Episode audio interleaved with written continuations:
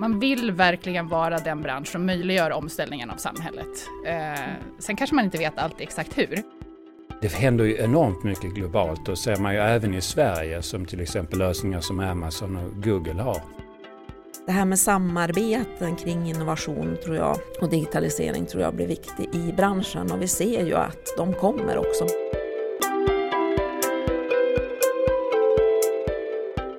Hej och välkomna till årets sista avsnitt av podden Framtidskraft. Jag heter Karin Bodén och jobbar på energiföretaget Jämtkraft. Och jag heter Daniel Löfstedt. Den här podden Framtidskraft, den handlar ju om den här förändringsresan som vi är inne i. Där vi som företag är tvungna att agera när spelplanen förändras. Mm. Eh, vad handlar det då om att eh, vara med när energibranschen förändras? Ja, det handlar ju bland annat om att ha koll på det här med digitalisering till exempel. Mm, AI. AI hänger ihop med det och robotar och eh, automatisering. Mm, mm. Eh, vi har pratat mycket om innovationskraft i podden också under det gångna ja, året. Flera gånger. Mm. Och hur blir man innovativ och hur understödjer man en sån? Mm, vad krävs? Ja, precis. Eh, kunder såklart har vi haft fokusering mm. på i några omgångar. Pratat blockchain. Mm. Och Självklart hållbarhet, det är en trend som vi ser eh, håller i sig eh, och växer starkare och starkare bara. Ja, kommer hålla i sig. Mm. Så här i årets slut då så kan man ju såklart börja fundera, vad har hänt? Har vi tagit några steg och vart står vi då i sådana fall som bransch? Så den här gången så vänder vi oss till branschen själv. Vad säger de? Och så har vi satt ihop en liten branschpanel som ska representera olika perspektiv på de här frågorna. Kristina Sävsten, VD på Övik Energi. Pernilla Winhed, VD på Energiföretagen Sverige. Håkan Föök, chef för Sustainability and Corporate Affairs på E.ON Sverige. Hur skulle ni som jobbar i branschen vilja beskriva dagsformen på energibranschen med få ord? Jag skulle säga att det är mycket vilja, ambition och beslutsamhet.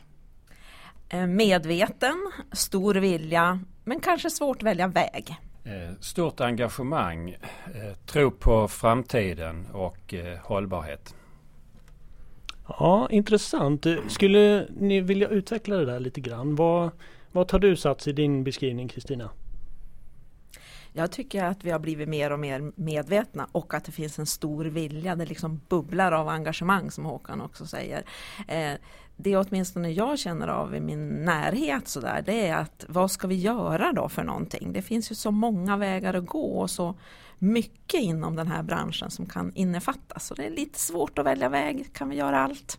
Jag håller med Kristina. Det är en eh, väldigt stark vilja att vara med och bidra. Branschen har ju länge drivits mycket av samhällsansvaret, att liksom vara med, att driva och hela den klimatfrågan som nu diskuteras väldigt mycket. Jag tycker att det liksom, man vill verkligen vara den bransch som möjliggör omställningen av samhället. Eh, sen kanske man inte vet alltid exakt hur, så kan det vara. Och olika företag väljer också olika vägar för hur man bidrar och det är också givet. Men man liksom man är beslutsam. Vi ska vara möjliggörarna för den här omställningen av samhället. Och det, jag håller helt med, det bubblar liksom av energi och engagemang i, i frågan i branschen.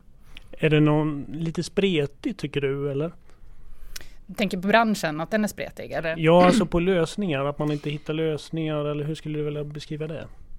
Nej, och jag tror det kanske är, det kanske är spretigt, men jag tror inte det spelar så stor roll. Alltså för vi har ju, företagen är ju olika. Man har ju olika förutsättningar att bidra, olika viljor, olika tankar om sin roll.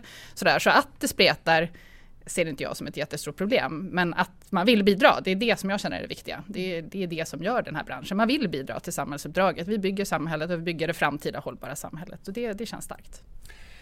Nej, jag håller med om det och jag tycker också det är ganska naturligt att det finns lite olika vägar framåt just nu. För att vi, vi står ju lite inför en brytning där vi går från ett, ett så att säga, tidigare system. Tittar vi inom elsektorn så har vi ju haft och har fortfarande till stor del ett, ett centralplanerat system. Där vi ser stora förändringar och det är klart att var och en måste hitta sin väg framåt och visst är det lite osäkert vilken väg som är den rätta.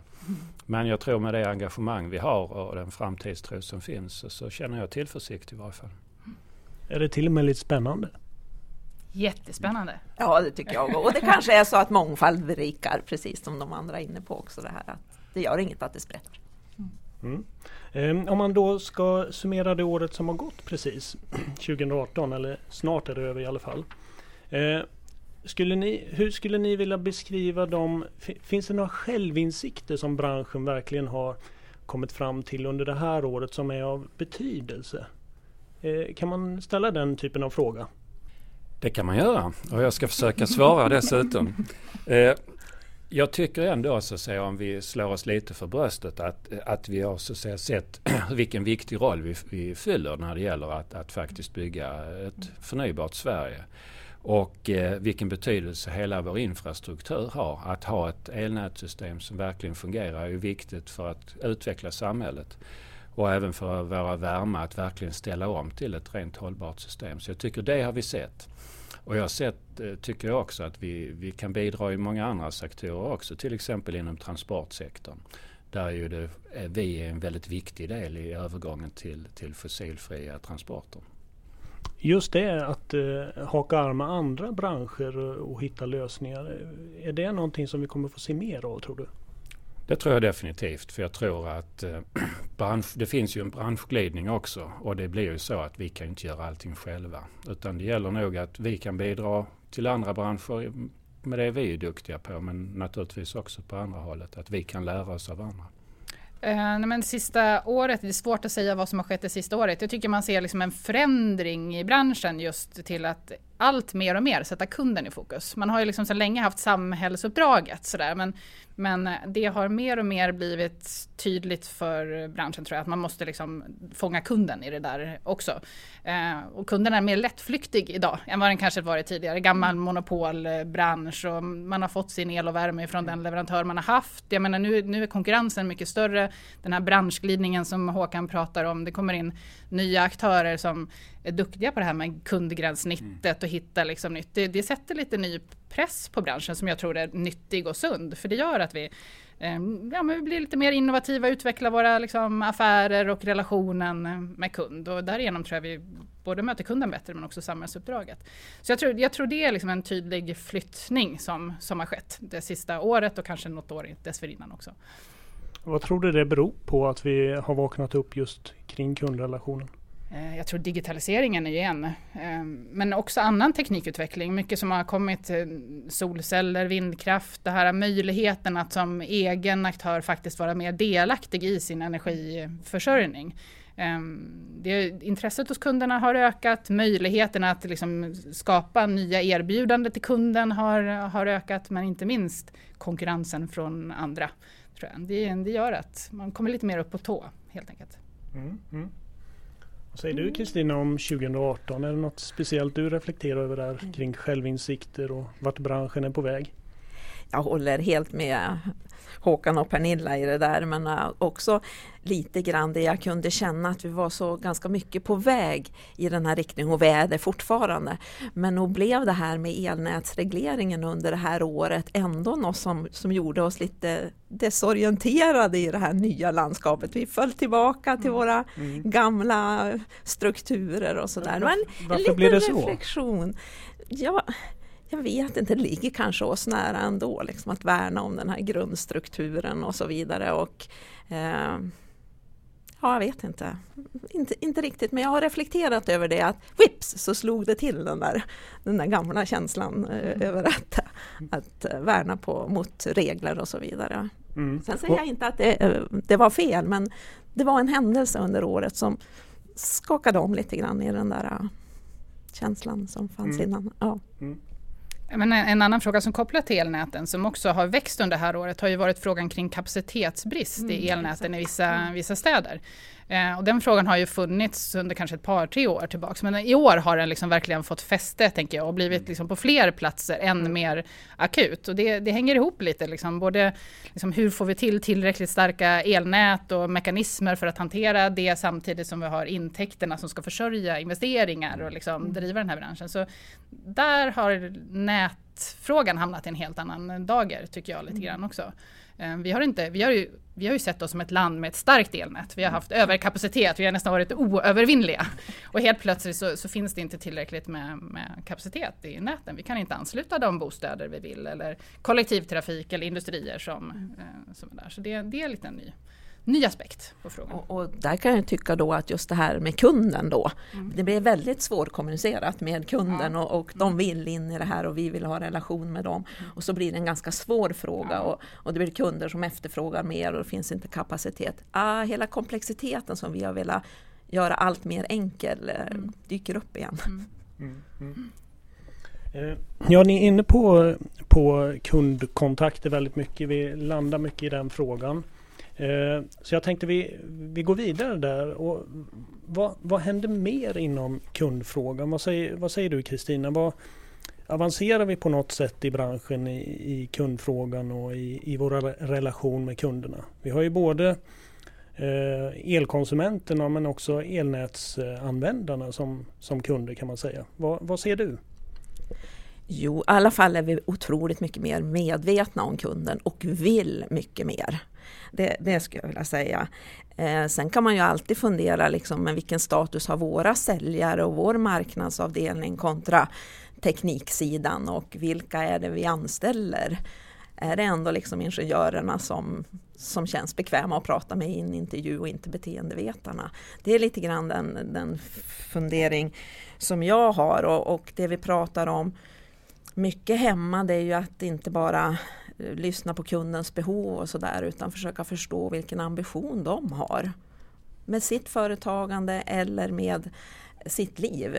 Vilken profil vill man ha på sitt liv? Det kommer att styra vad vi kommer att vilja eller kunna leverera eller ska leverera till dem. Det, det tror jag.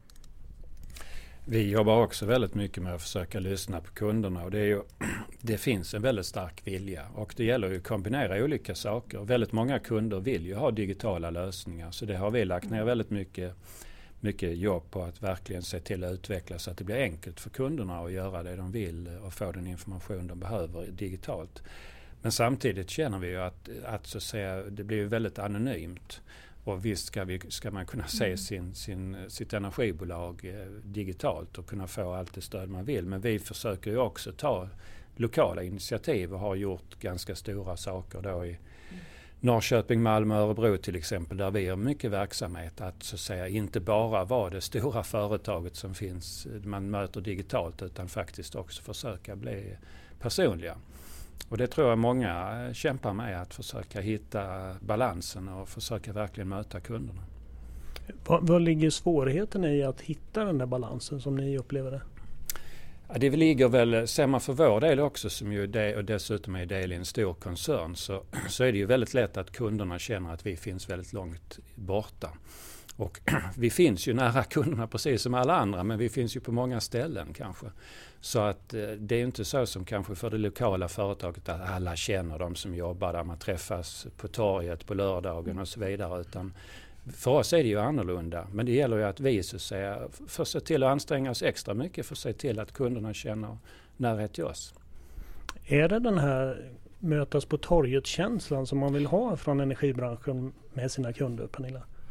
Jag tror att det är eh, väldigt olika vad du som kund vill ha också. Eh, en del kunder vill nog jättegärna ha den här liksom, personliga kontakten och sådär. Och man kan ju se att många av de företag som har ett starkt lokalt varumärke, men de, de har också stort förtroende lokalt och det, det har nog mycket att göra med den här Um, alla, alla energiföretag säljer sina kilowattimmar och relationen till kilowattimmar tror jag nästan inte kunden egentligen har något utan man har relation till sitt företag. Kanske för att de är stora på orten, de bidrar till att finansiera hockeyhallen eller liksom, eh, idrottsföreningar, man känner de som jobbar där, man vet vilka de är. Alltså det är mycket mer sådana saker och jag tror att det kommer att vara viktigt i kundrelationerna framöver överhuvudtaget, att hitta det här mervärdet. Om det så är liksom varumärket och berättelsen som varumärket mm. har eller en miljömärkning eller någonting annat som är det här extra ett partnerskap med någon aktör som man tycker är mm. viktig.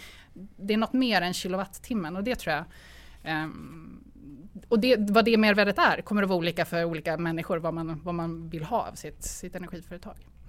Eh, ser du med ditt bredare branschperspektiv om man säger så, eh, någon som har lyckats eh, på ett spännande och intressant sätt under året? Eller den senaste? Det måste ju vara E.ON eller Övik känner jag när jag står här. uh, nej, alltså men jag, jag tror, alltså man ser ju att företagen kliver fram mer och mer och jag tycker att vi som bransch har blivit bättre. Vi är fortfarande en bra bit kvar, men just att berätta om det vi gör. Eh, de, vi har ju en del stora kampanjer som nu går som jag faktiskt tror verkligen går igenom och som berör liksom, eh, människor, men också lokala företag som också jobbar. Man jobbar med bostadsföretaget på orten och hittar smarta lösningar. Man, liksom, man sätter mer kundens, eh, kunden i, i fokus i dialogen. Eh, det som är ehm, eh, det som är viktigt tror jag just är den här dialogen också. Eh, och den kan man göra antingen mötas personligt och vi har ju prisdialogen på fjärrvärme som vi märker att ja, men det har verkligen stärkt förtroendet för fjärrvärmen när man jobbar i den dialogen. Eh, men för de kunder som inte har liksom, dialog med, mm. med sina företag så kommer liksom, den möjlighet som digitaliseringen och liksom att möta kunden på nätet. Det ger ju liksom, där kan du anpassa informationen efter kunder, kan segmentera dina kunder mm. utifrån vad du vet och liksom hitta erbjudanden och information som de här kunderna vill få. Och det tror jag det är som en ny möjlighet till att komma närmare kunden, även om det är i den digitala världen. Mm.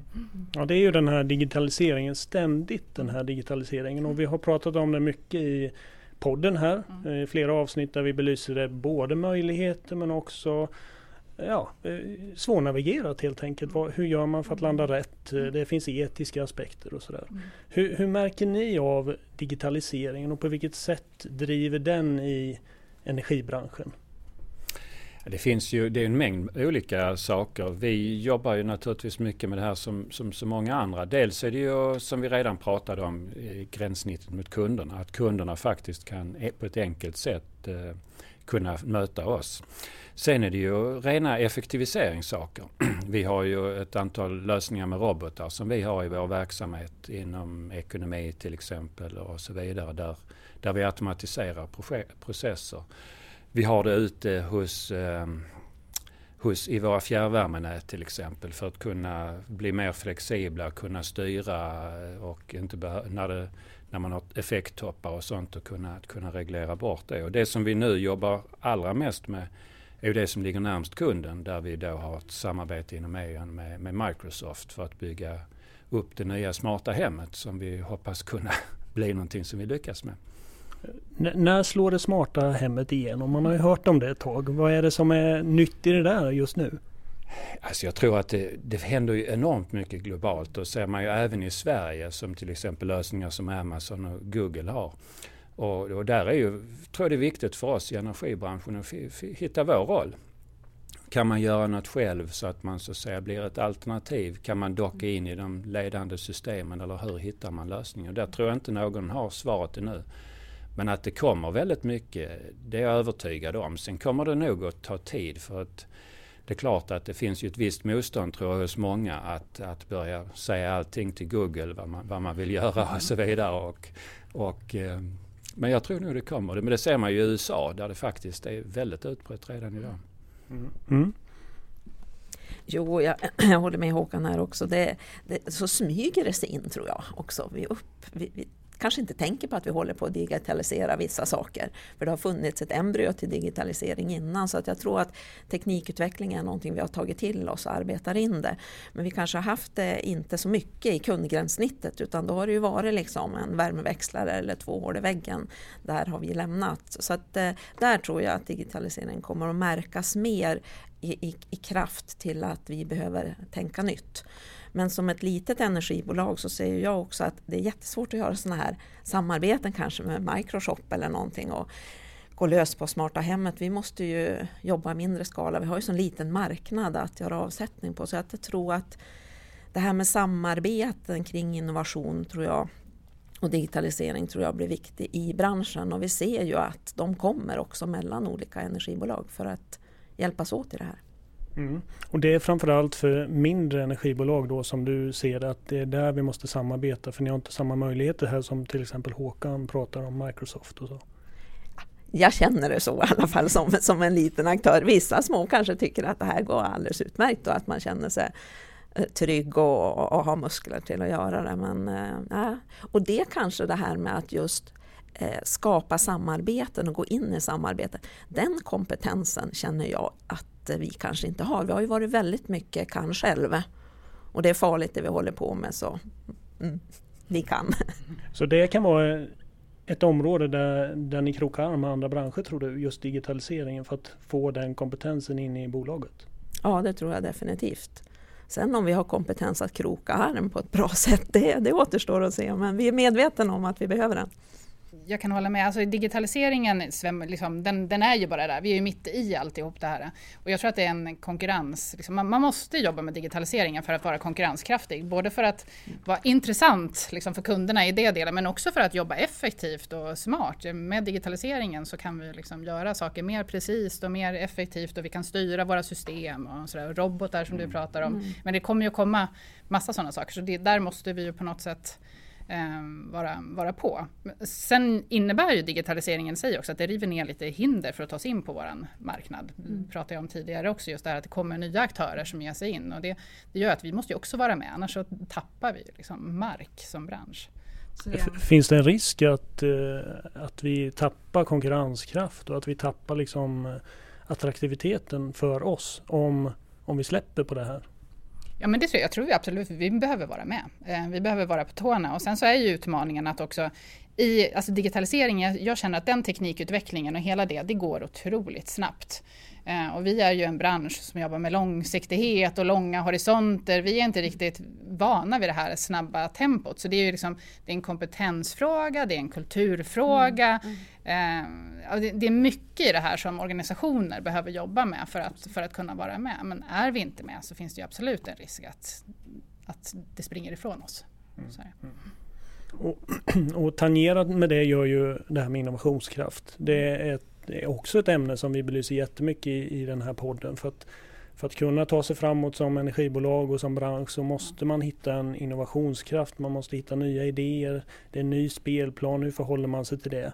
Eh, vad säger ni? Hur, hur, hur är innovationskraften i branschen? Vad, vad, finns det? Finns det en vilja att, inno, att bli innovativ? Finns det en vilja att eh, hitta nya lösningar? Eller värnar man väldigt mycket om den äldre affären?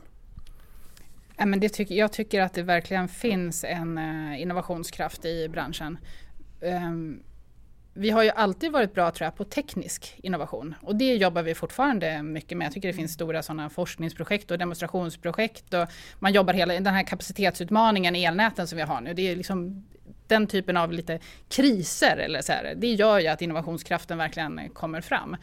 Eh, det som är nu tror jag, eh, det är att vi behöver jobba mycket mer och det görs också ute i, i företagen. Jobba med affärsutveckling och liksom hitta nya affärsmodeller och kanalisera liksom innovationskraften till, eh, till de delarna. Där digitaliseringen ju också såklart är en viktig, viktig del. Men och jag tycker man ser en massa saker. Jag tänker på jag såg något exempel i Göteborg så jobbar man med hur man kan liksom använda gamla bussbatterier för att kapa effekttoppar i mm. bostadshus.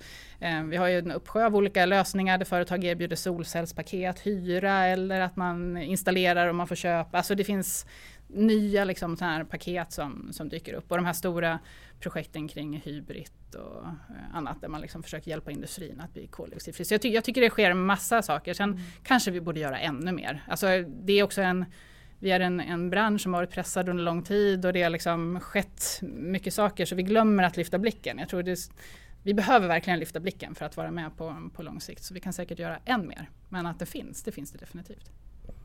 Jag håller med Pernilla. Jag tycker, och precis som Pernilla säger, så är vi ju i en brytningstid. Det är faktiskt nya utmaningar som finns hos oss just nu. Vi har ju alltid jobbat med att göra vardagsförbättringar och så vidare. Men nu måste vi ju ta nästa steg.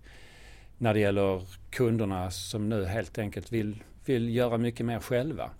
Och där vi erbjuder olika former av lösningar. Vi testar ju till exempel inom E.ON då ett lokalt energisystem i, i, nere i Skåne där vi ser kan man så säga lösa det här mer lokalt mm. och prova nya vägar och få se vad, där lär vi oss mycket så säga av det. Samma inom värme, kan man producera hållbar värme på ett annat sätt, eh, till exempel djup geotermi som verkar väldigt eh, lovande eller andra typer av, av lösningar. Och sen ihop med kunderna, det är ju där den verkliga innovationen sker. Det måste ske tillsammans med kunderna. Och eh, där tror jag vi, vi triggar varandra och hjälper varandra. Och där händer mycket tycker jag. Ja, jag tror också på de här kundsamarbetena kan, kan leda till innovation. Eh, där är det naturligtvis svårt att, att, att veta vi är ju också väldigt vana med hur vår affärsmodell ser ut och vad vi tar betalt för och vilken del av kakan vi får. Och i de här samarbetena så blir inte det lika tydligt. Men vi måste ju våga prova oss fram och försöka hitta affärsmodeller där också. Sen vet vi ju att vi har vi har ju vissa begränsningar. Vi tycker ju att vårt system är ganska reglerat på olika sätt i olika former för vad vi får och inte får göra och, och skatter hoppar från det ena eh, nyttigheten till den andra och så vidare. Och i, ibland brukar jag tänka så här att vi kanske skulle utmana lite mer. Skulle vi vara, vara lite Jan Stenbeck när det gällde mobiltelefoni liksom. Och, men det hör ju inte riktigt till oss. Vi, vi är ju goda samhällsmedborgare, de här företagen, och tar det här samhällsansvaret och följer reglerna. Men det kanske skulle släppa innovationen lite till. Du menar börja tänja lite, utmana lagstiftningen? Ja, kanske. Mm. Ehm, om man tittar då, ni pratar här och det händer mycket i branschen och det vet vi. Finns det någon väg framåt som har visat sig, ja men här finns ju, du Kristina är inne på affärsmodell och så vidare. Eh, här finns en ekonomiskt bra väg också. Alltså här finns en modell som håller hela vägen. Ja, jag tror ju väldigt mycket på att kunderna faktiskt själva får gör, gör mer. Och till mm. exempel solceller och sånt tror jag har varit väldigt lyckat och inte minst just nu. Även om det inte är så soligt just idag så, så är det någonting som jag tror är väldigt bärkraftigt där vi kan faktiskt hjälpa kunderna att, att utveckla sig själva, både företagskunder och privatkunder. Mm. Så det, det, tror jag definitivt är någonting som kommer att fortsätta växa. Mm. Mm. Um, mycket intressant. Um, nu har vi summerat läget lite, hur ser det ut och sådär. Nu ska ni få avsluta med att blicka lite framåt. Och vi börjar med det kommande året men ni får också gärna ta höjd för lite mer. En, en kort, eh, förhoppningsvis, det låter så på er, hoppfull blick in i framtiden. Eh, vad säger du Kristina, ska du börja? Vad, vad, vad, har vi att förvänta oss från energibranschen det kommande året och de kommande åren? Ja, jag tror ju på den här fortsatta hållbarheten. Eh, att kunderna kommer att vara en del i det här, där vi kommer att eh, leva i symbios med, i, med varandra i energilandskapet, det tror jag. Och eh, framförallt under 19 så tror jag på de här eh, samarbetena för att komma framåt, eh, framförallt på nya affärsmodeller och produkter. Samarbeten inom branschen och med eh, aktörer utom branschen. Vilken typ av aktör utanför branschen, vågar du säga något sånt? Jag tror ju att de kanske sträcker sig där runt eh, digitalisering främst i alla fall. Eh, jag tror också att vi kommer att se en bransch som har än mer fokus på kund och hållbarhetsfrågor. Eh, det tror jag är givet. Eh, jag tror också på samarbeten, alltså med partnerskap med andra, antingen med kunder, för det finns ju en hel del sådana där man hittar lite det Håkan var inne på, det här gemensamma, att kunden kunden och företaget är liksom i symbios. Eh, sådär. Eh, men också med andra företag. Jag tänker på elektrifieringen av fordonsindustrin som mm. kommer, de här industrisamarbetena mellan energibransch och industri. Man kan tänka sig fastighetsföretag och energibransch där man hittar lokala lösningar. Eller sådär. Jag, tror, jag tror partnerskap kommer att bli en allt viktigare del och inslag i, i energimarknaden. Jag kan inte annat än att hålla med. Jag tror också väldigt mycket på att vi så att säga, tar nästa steg när det gäller partnerskap och inte minst komma närmare våra kunder och faktiskt att kunderna känner att vi kan bidra till eh, att de har ett bra liv och en bra verksamhet i sina företag. Jag tror också att vi kan börja visa på att vi faktiskt klarar av att hantera kapacitetsbegränsningarna som vi har.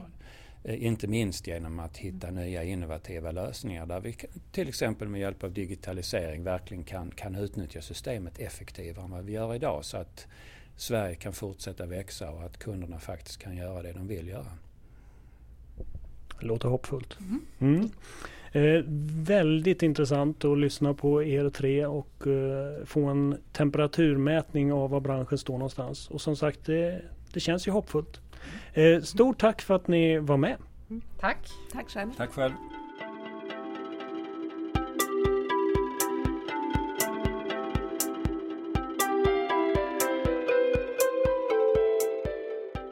När man lyssnar till det här samtalet så, så känner jag att det är en insiktsfull bransch vi har. De Mm. har koll på trenderna som påverkar omvärlden och därmed de själva och att de behöver anpassa sig och så vidare. Mm. Det känns som att de har lyssnat till våran podd. Ja, precis. Ja, för det måste det ju vara. Ja. Ja. Nej, men det, det finns en förändringsvilja.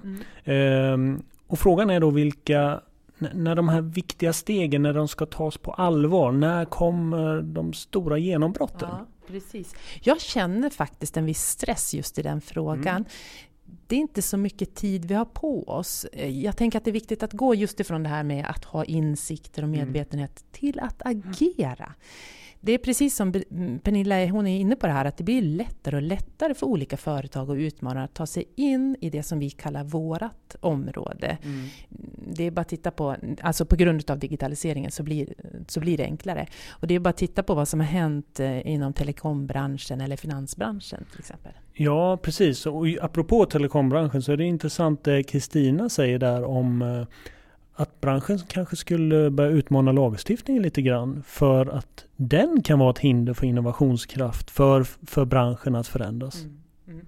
Vi hoppas på att 2019 blir offensivt då, i många Mm. olika aspekter. För min del så hoppas jag mycket på den här hållbarheten, att man blir offensiv där.